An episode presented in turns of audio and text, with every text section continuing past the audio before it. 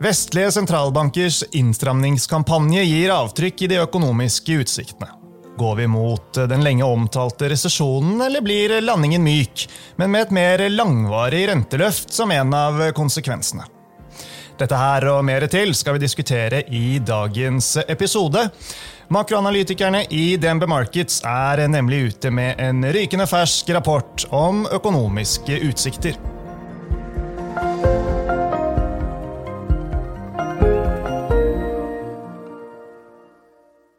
Velkommen til eh, Utbytte, DNB-podkasten der vi forklarer hva som skjer innen global økonomien og finansmarkedene. Jeg er Marius Brun Haugen, og med meg har jeg sjeføkonom Kjersti Haugland og Kina-ekspert Kelly Chen. Velkommen, begge to. Tusen takk. Takk, takk. Ja, eh, myk landing for eh, global økonomi, det har dere varslet i tidligere oppdateringer. Er resesjon for vestlige økonomier fremdeles et eh, tema, eller står dette myk landingsscenarioet seg, Kjersti? Ja, eh, vi syns fortsatt det er grunn til å forvente en myk landing, selv om resesjonsvarslene blinker som bare det i USA.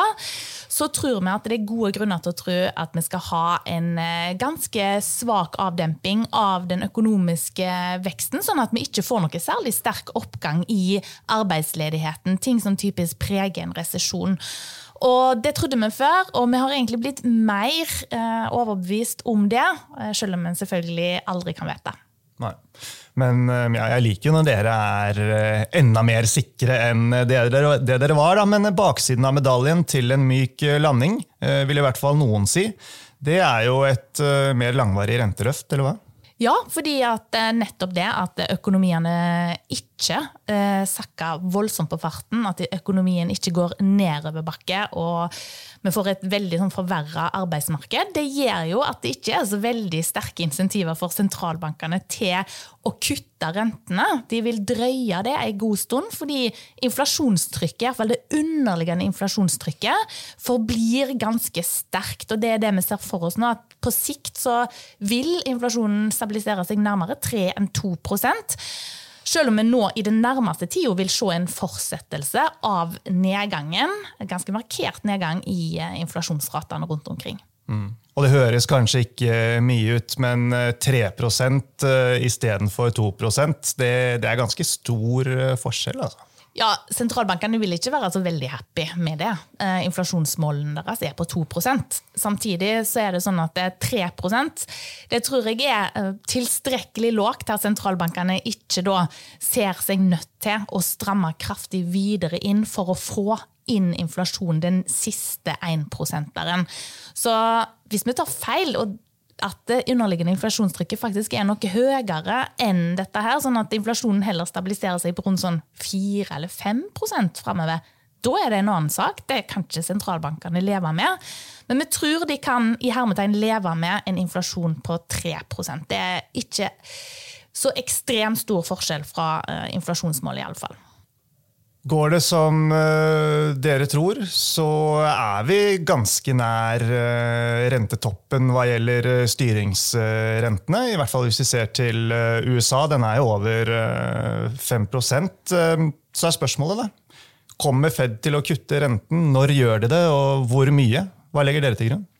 Ja, Vi tror at eh, Fed vil vente helt fram til neste sommer med å kutte. Det trodde vi òg ved forrige korsvei. Markedene har jo egentlig kommet eh, nærmere oss i løpet av de siste månedene og innsett der at det ikke ligger an til en veldig snarlig rentenedgang. Altså, dette har jo sentralbankene både i USA og i andre land snakka om eh, mye i tida som har gått. Det er veldig risikabelt å kutte for tidlig. Eh, det har på 80-tallet vist seg å kunne være en veldig 70-tallet, unnskyld, vist seg å være en risikabel strategi med at inflasjonen da ikke gikk tilstrekkelig varig ned. da. Og Derfor så tror vi at den drøyer det eh, til juni neste år. og Da tror vi at det blir en gradvis rentenedgang i USA ned mot eh, 3,75 mm. Og 3,75 da snakker vi eh, våren 2025. Ja. ja. Og jeg, jeg sjekket uh, markedsforventninger før vi gikk inn i studio. Det er uh, 22.8 når vi spiller inn dette her. Det Fed Funds Futures uh, sier, det er jo at uh, de venter at man skal begynne å kutte i mai 2024, og så kommer det da fire kutt frem til slutten av 2024. På, på 25 basispunkter per kutt. Så det viser bare at nå er jo dere og markedet ganske i synk. Vi er veldig mye mer i synk enn det vi har vært. Eh, nå er det stadig flere som tror dette her. Høyere i en lengre periode. Det er det som kommer til å være utviklingen for renter. Og det gjelder ikke bare i USA, men det gjelder òg eh, her hjemme i Europa. Men som alltid ved slike øvelser uh, som disse anslagene og rapportene er, så er det jo ting som kan gå annerledes enn uh, det vi tror i dag. Vi skal liksom snakke oss litt gjennom noen av disse tingene. Men uh, Kina kommer vi ikke utenom, Kelly. Og, der har det jo ikke gått helt som vi, eller så mange andre for den saks skyld, trodde ved inngangen til året. I det siste har vi jo fått tall som taler for veldig dempet drahjelp i form av Eh, eller på den globale veksten. Da. Så spørsmålet er hvordan ser det videre ut for Kina? Ja, eh, vi har jo hatt en ganske mer negativt syn på Kina ganske lang tid. fordi de underliggende... Ja, det er godt poeng. Det er godt poeng. Men de underliggende vekstimpulsene i Kina har jo vært svake. Eh, etterspørselssiden er svak, husholdningene står svakere stilt, og boligsektoren er jo i en krise. Det som jeg ser på som en ganske markant endring, er jo hvordan myndighetene har respondert på dette. For vanligvis når man ser på Kina, så tenker man jo ok, hvis økonomien er inne i en svakere periode, så går de inn med stimulanser, og Kina stimulerer gjennom boligsektor, gjennom infrastrukturinvesteringer osv. Det var egentlig det vi forventet også eh, nå. Eh, og før vi gikk inn i sommerferien, eller fellesferien, så var det veldig store forventninger om det eh, for Kina. Eh, og de har ikke levert. De har langt ifra levert det de skulle. Men hvorfor skjer det ikke? Er de ikke i posisjon til det nå? Jeg tror det ikke handler om eh, evnen til å stimulere, men heller om viljen til å stimulere. Så for meg så er dette en slags omprioritering eh, som eh, ligger til grunn. De legger heller vekt på litt langsiktige eh, mål om det å rebalansere økonomien, få ned gjeldsgraden, og egentlig ikke blåse opp boligsektoren på nytt. da. Mm. Men, men liksom eh, mal bildet for oss. da. Altså, hvor eh, store utfordringer har eh, Kina med sin økonomi, og, og, og, og hva betyr også dette for den globale, globale, veksten? Jeg vil jo si at Hoveddelen her handler om hvordan Kinas etterspørsel etter råvarer endrer seg. Mm. For i veldig lang tid så har Kina vært en viktig driver for råvareetterspørsel. De har bygget mye bygg, mange boliger veier, broer, alt mulig. Og det har vært eh, måten Kina vokser.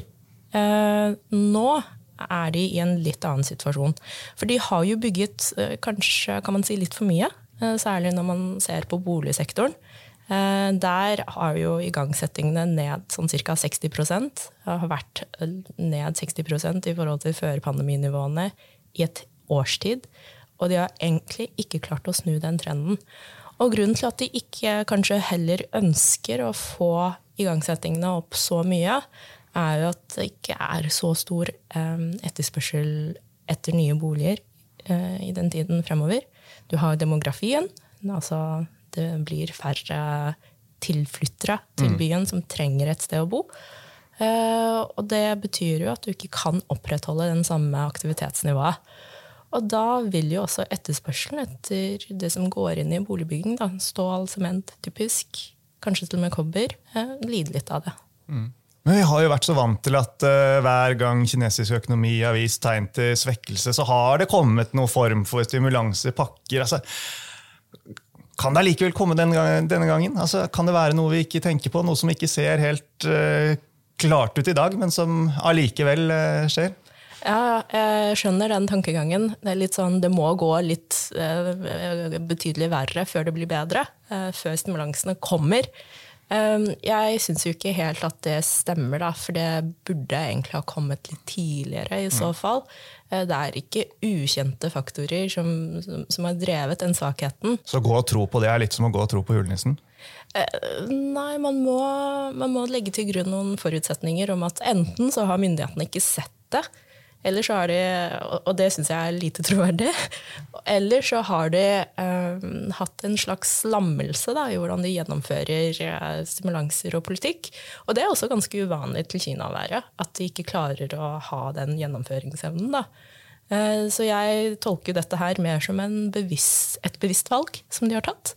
Eh, og da er tanken at vi i altså myndighetene de lar være å stimulere nå. Fordi om fem års tid, hvis de gjør det, så blir jo problemene enda verre. Mm. Da er det enda færre som flytter inn i byene. Da er demografien sånn at det er enda færre mennesker, enda færre sysselsatte i Kina. Og da er det jo enda mer krevende å få løst opp de ubalansene som er i økonomien. Ja, ok. Så svakere drahjelp fra Kina i årene fremover, Kjersti. Det betyr jo også, da, i hvert fall fra et sånn makro generelt perspektiv, mindre press på råvarer, som Kelly var inne på. Eh, vil vel hjelpe litt i forhold til å få litt mer kontroll på inflasjonen? Ja. Eh, det er jo sånn at eh, Fraværet av en kraftig rekyl i Kina eh, det begrenser jo potensialet for en ny sånn inflasjonsoppgang. da, Drevet av alt fra oljepriser til andre råvarepriser, som kunne ha kommet hvis da Kina viste muskler på en helt annen måte enn nå. Så dette, eh, altså Svakheten i Kina bidrar til at den inflasjonsnedgangen som allerede nå er på gang, ganske kraftig nedgang i totale inflasjonsrater i Vesten, at den kan fortsette framover. Så selv om vi nå, som jeg var innom, kommer til å stabilisere oss på et høyere nivå enn før pandemien på inflasjonen, så blir det jo langt unna disse ekstreme inflasjonsratene som vi har sett da, i, eh, i de siste åra. En annen ting med Kina er jo at eh, Kina påvirker oss, eller forholdet mellom Kina og Vesten påvirker òg inflasjonspresset på en litt sånn lengre periode her. og Det er jo nettopp derfor vi tror, en av de viktige grunnene til at vi tror at inflasjonen faktisk ikke blir 2 eh, eh, på sikt. Og det er jo sånn at eh, Forholdet mellom Kina og særlig USA har blitt ordentlig forsura eh, de siste åra. Og vi ser jo nå noen lover som har blitt innført som er tydelig mynta på altså, å få ned Kinas konkurransekraft innenfor strategisk viktige områder. Eh, Chips Act eh, i USA, eh, f.eks. Altså, veldig mye lovgivning som går i retning av enda mer dekobling, enda mer deglobalisering. At det, eh, hvert land skal produsere sitt. Og i lag med det grønne skiftet, som vi jo har snakket om før, Marius, så bidrar dette her til økte kostnadsimpulser framover. Mm -hmm. Og det er jo heller ikke godt nytt for eh, Kina, Kelly? Nei, absolutt ikke. Man får på en måte ikke drahjelpen fra eksportnæringen når eh, etterspørselen etter kinesisk eksport faller. Mm.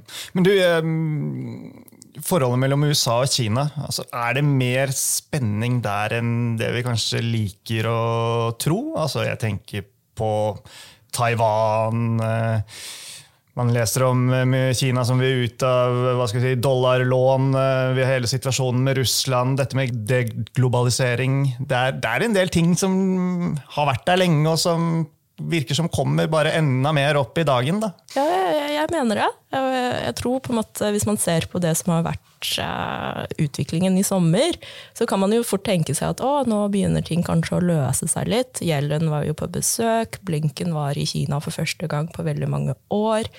Uh, men ser man på det underliggende, så er det helt riktig alt det du nevner.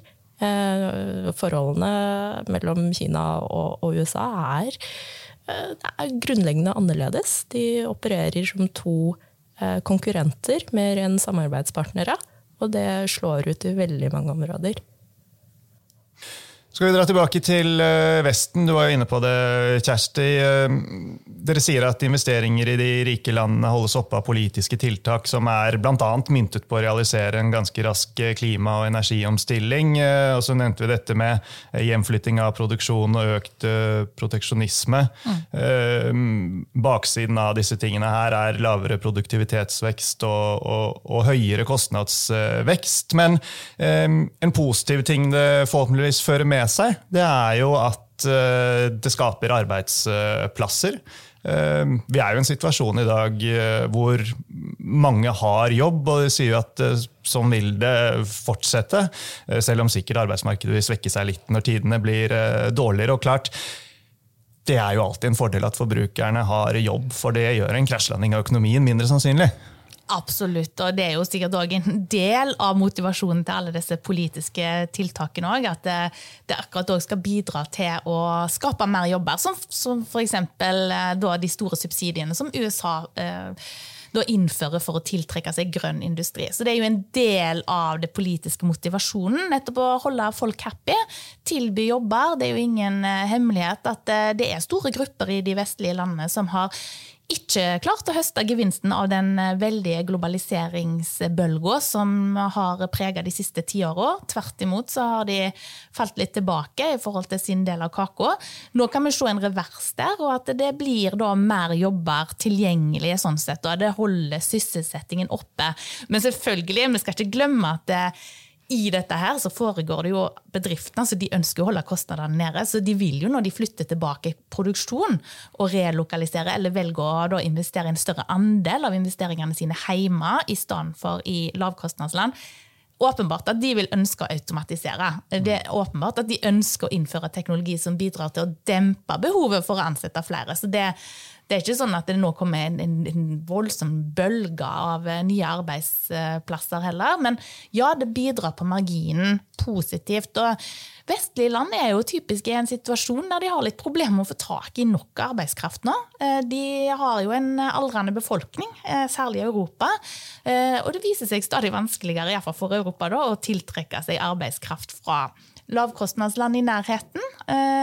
Og dermed så er det ja, rett og slett rift om arbeidskraft. Og med da investeringer som skal til nå framover i forbindelse med det grønne skiftet, i forbindelse med nettopp relokalisering av produksjonen, litt mer fokus på hjemmemarkedet, ja, da vil det òg være mulig å opprettholde et fortsatt stramt arbeidsmarked. Og det vil jo òg prege lønnsveksten framover. Ja.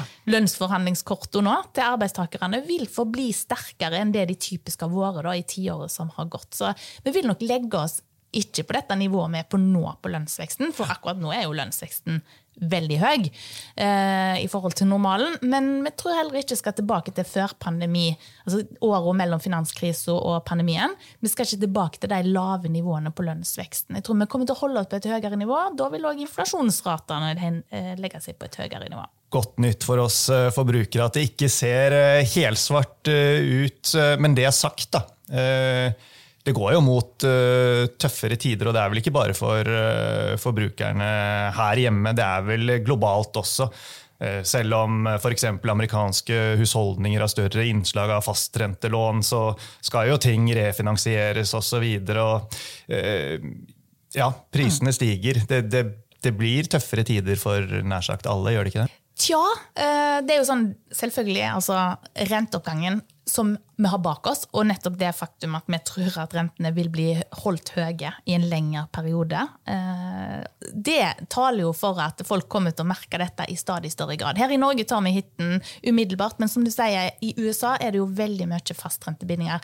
Det som er spesielt med USA, er at de, disse fast, fastrentebindingene er utrolig lange. Sant? Det er 30 års bindinger, og veldig mange av lånene er faktisk inngått under pandemien. Mm. Så det egentlig, dette refinansieringsbehovet i USA er ikke veldig høyt. da. Men selvfølgelig når nye folk skal inn i boligmarkedet, så klart det påvirker deres beslutninger. Så jeg mener jo ja, det er nedbremsing vi kommer til å se i forbruket. For sparebeholdningene er jo ikke like velfylte som det de var for et år tilbake. Eh, og mm, ja, rentenivået har kommet opp, og det påvirker selvfølgelig. Men jeg mener fortsatt at eh, den amerikanske forbrukeren har veldig lav gjeld. Har fortsatt veldig lave eh, gjeldsbetjeningskostnader. Det er veldig gode argumenter for at den amerikanske forbrukeren ikke vil gå på en smell og trekke økonomien nedover bakke, sånn at vi da får denne resesjonen som vi har sittet og venta og venta og på. Og Derfor så tror vi jo at ja, veksten vil bremse litt opp framover i USA, men som sagt da, det vil ikke gå over til fall i BNP. Og i Europa så tror vi faktisk at pilene kommer til å peke oppover framover. Eh, fordi at eh, den verste kalddusjen der fra nedgang i reallønningene er jo nå på vei ut. Altså inflasjonen faller. Mm. Det er jo òg tilfellet i USA. Prisveksten går ned. Mens lønnsveksten er veldig høy, og i Europa faktisk stigende fra allerede høye nivåer. Og med et fortsatt høyt arbeidsmarked, sterkt arbeidsmarked da, så mener vi at det er grunn til å tro at forbruket ikke skal kollapse fremover, sånn som jeg får inntrykk av at en del argumenterer for, men at en heller skal kanskje faktisk få en bedring fremover. For det er òg mye fastrentebindinger i de store eurosonelandene, ikke på 30 år, men typisk 10 pluss år. Så en skulle jo tro at en god del av dette har blitt inngått med veldig veldig lave rentenivåer. ikke sant? Fordi det har vi jo hatt en stund nå. I forhold til eh, risikofaktorer så er det jo selvfølgelig eh, mange av de som kan gjøre at eh, ting ser annerledes ut om noen måneder eller år. Altså Russland, Ukraina har vi jo liggende der. Vi har gasspriser som fortsatt kan skyte til himmels til vinteren, avhengig av hvordan vinteren blir. Vi har et valg i USA med en løs Trump-kanon som fortsatt er på dekk, som kommer til neste år. Men to ting som jeg er litt interessert i, bare om dere har gjort dere opp noen tanker om, det er på en måte, det er amerikanske banker. Vi hadde en runde der uh, i, i, første halvår. Uh, ting skal eh, refinansieres eh, etter hvert. Rentene har kommet opp, de skal forbli høye. Det vil bli tøffere for mange. Samtidig har vi, og disse går jo over i hverandre, alt det som skjer i eiendom. Vi ser det i Sverige, vi ser det i Norge. altså SBB Heimstaden er veldig aktuell akkurat nå her hjemme. Vi ser det i Kina. Det er vel fort ting som uh, også kan spøke i eiendom i USA. Det har vært snakk om det der også. Så har dere noen tanker rundt disse tingene? Altså for, for Vesten sitt vedkommende, eiendomssektoren, eh, er helt klart noe det er knytta risiko til. Eh, det, kan, det, det, legger vi ikke skjul på at det, det, er selvfølgelig en usikkerhetsfaktor. Hvor ille den nedturen blir. Men så mener jo vi at eh, gjeldsgraden innen den sektoren, da, hvis du skal tenke på hvordan dette kan ramme det finansielle systemet, bankene, den er mye mindre enn det den var før, eh, før eh, finanskrisa. Eh, så vi tenker at det er begrensa hvor stort makroutslag en sånn nedtur i eiendomsmarkedet vil ha. Selvfølgelig vil det ha masse å si for de som har investert i den sektoren. Så, men med, når vi tenker på makronivå Det vil treffe investorene, det vil ramme arbeidsplasser, men det ja. blir mer eh, lokalt. Det, det får ja. ikke makrokonsekvenser. Det er ikke store mengder av eh, aktivitetseffekter inn på eh, total makro, og på, derfor på renter og valuta, som vi da følger eh, av. Men selvfølgelig du vet typisk at det kanskje er dominoeffekter. Sant? Og det er masse effekter som kan være ikke være nok bevisste på. Eh, at den ene trekker med seg det andre, og så, og så faller, faller dominobrikkene. Selvfølgelig, etter alle disse årene med ekstremt lave renter og jakt på avkastning som bare det, er jo egentlig rart at det har gått såpass bra som det har gått med denne voldsomt kraftige oppgangen i rentene vi har bak oss. Og så fikk vi jo en sånn påminner om det i vår, som du var inne på, banksystemet. Men det har jo da, eh, altså nye sånne skandaler, eller hva en skal kalle det, har jo da glimra med sitt fravær. Så iallfall enn så lenge så tenker vi at det er grunn til å være forsiktig optimister. Og det handler jo mye om at gjeldsbelastningen, det er ikke bare i husholdningene den ikke er veldig høy. Bedriften òg er jo veldig egentlig relativt likvide, da. Eh, I dagens situasjon i forhold til det som var tilfellet fra før eh, finanskrisa, f.eks. Så ja, vi må være oppmerksom på risikoen knytta til det finansielle systemet. Det er jo en eller annen grunnleggende uro vi alle har. nettopp sånn, Hvordan kan dette her faktisk Altså Det må ha bygd seg opp noen veldig store sårbarheter gjennom denne perioden. Det kan få store makrokonsekvenser, ja. Men enn så lenge så klarer ikke vi å sette fingeren på akkurat hva de skal være, og da anslår vi at de ikke bryter ut i vår eh, prognoseperiode de neste tre årene. Og så er det jo sikkert noe på Kina på eiendomsmarkedet, for å si det forsiktig. Ja, her tenker jeg det er en del kontraster. Eh, for på Kina så er det jo sånn at um, eiendomssektoren den er finansiert stort sett via boligkjøp. Så det, dette her treffer husholdningene egentlig ganske kraftig hvis det skulle gå eh, skeis. Men det er ikke sånn at det har gått skeis med, med, boligprisene, egentlig. Eh, kjøperne de holder seg unna markedene, ikke fordi boligprisene faller som en stein, de har på en måte falt litt. Eh, de holder seg unna markedet fordi spekulativ interesse for å investere i en bolig er, eh, er ikke til stede. Og de blir heller ikke tvunget til å selge seg ut av de spekulative posisjonene sine heller. Og dette er viktig, fordi uh, gjennomsnittlig gjeldsbelåning hos husholdningene er fremdeles lav, også for de som har kjøpt seg bolig, som bolig to, tre, som investering. Så jeg tror ikke den på en måte selvforsterkende effekten av at her kommer det en uh, her kommer det et, et, et stort eh, boligpriskrakk, eh, den er litt mindre til stede. Og så må vi også huske på at banksystemet og det finansielle systemet i Kina er veldig annerledes. Det er lukket stort sett statseide banker. Veldig velkapitaliserte, høy sparerate innenlands. Så de har på veldig mange måter muligheter til å ikke la en boble sprekke, men at luften på en måte siger litt ut av den. Men vil man liksom holde et litt ekstra øye på noe hva skal vi si, dette året og inn i neste år, så er ikke bolig- og eiendomssektoren, markedet, en dum eh, kandidat å, å følge litt med på? Definitivt. Eh, det følger vi på, ikke minst da, i, i, i Norge og Sverige òg. Mm. Men, men generelt så er det eiendomsmarkedet er sårbart for det som skjer. Og når jeg sier at det har ikke vært et tilbakeslag i f.eks. USA, det har jo vært et tilbakeslag i noen sektorer. ikke sant? Det har vært et tilbakeslag for boligbyggingen, det har vært og salg. Boligsektoren har jo lidd lenge eh, der, men pilene peker jo nå oppover. Så det jo, virker jo å være mye overstått, den, den, korreksjonen der. Og industrien er jo òg inne i en korreksjon. Så det er ikke sånn at alt ser all fine and dandy ut overalt der. Det er noen sektorer som merker det mer enn andre, da. Så, men sum for økonomien så ser det ikke så verst ut. Nei, Eh, og norsk økonomi det har vi ikke adressert uh, i dag, men uh, det skal vi dekke i en egen episode om ikke så lenge. Men vet dere hva? Så med alt dette resesjonssnakket vi har hatt de siste ja, i hvert fall halvannet året, så jeg blir litt lysere til sinns av det her. Det er godt vi kunne bidra til det. Ja, ja, ja. Det var Herlig. ikke det som var motivasjonen vår, men det er godt likevel. Men så får vi jo si da, at uh, for dere som uh, vil ha enda flere uh, detaljer, er interessert i å lese mer, så er rapporten tilgjengelig, den. Bare å gå inn på DNB sine analysesider eller dnbalfa.com, så finner du rapporten. Og med det så setter vi strek for nå. Tusen takk for at dere kom, og ikke minst tusen takk, folkens, til til alle dere som hørte på.